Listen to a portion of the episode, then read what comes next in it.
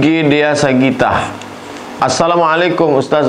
Waalaikumsalam warahmatullahi wabarakatuh. Ada yang mau saya tanyakan mengenai orang yang sudah semasa hidupnya meninggalkan sholat selama satu tahun.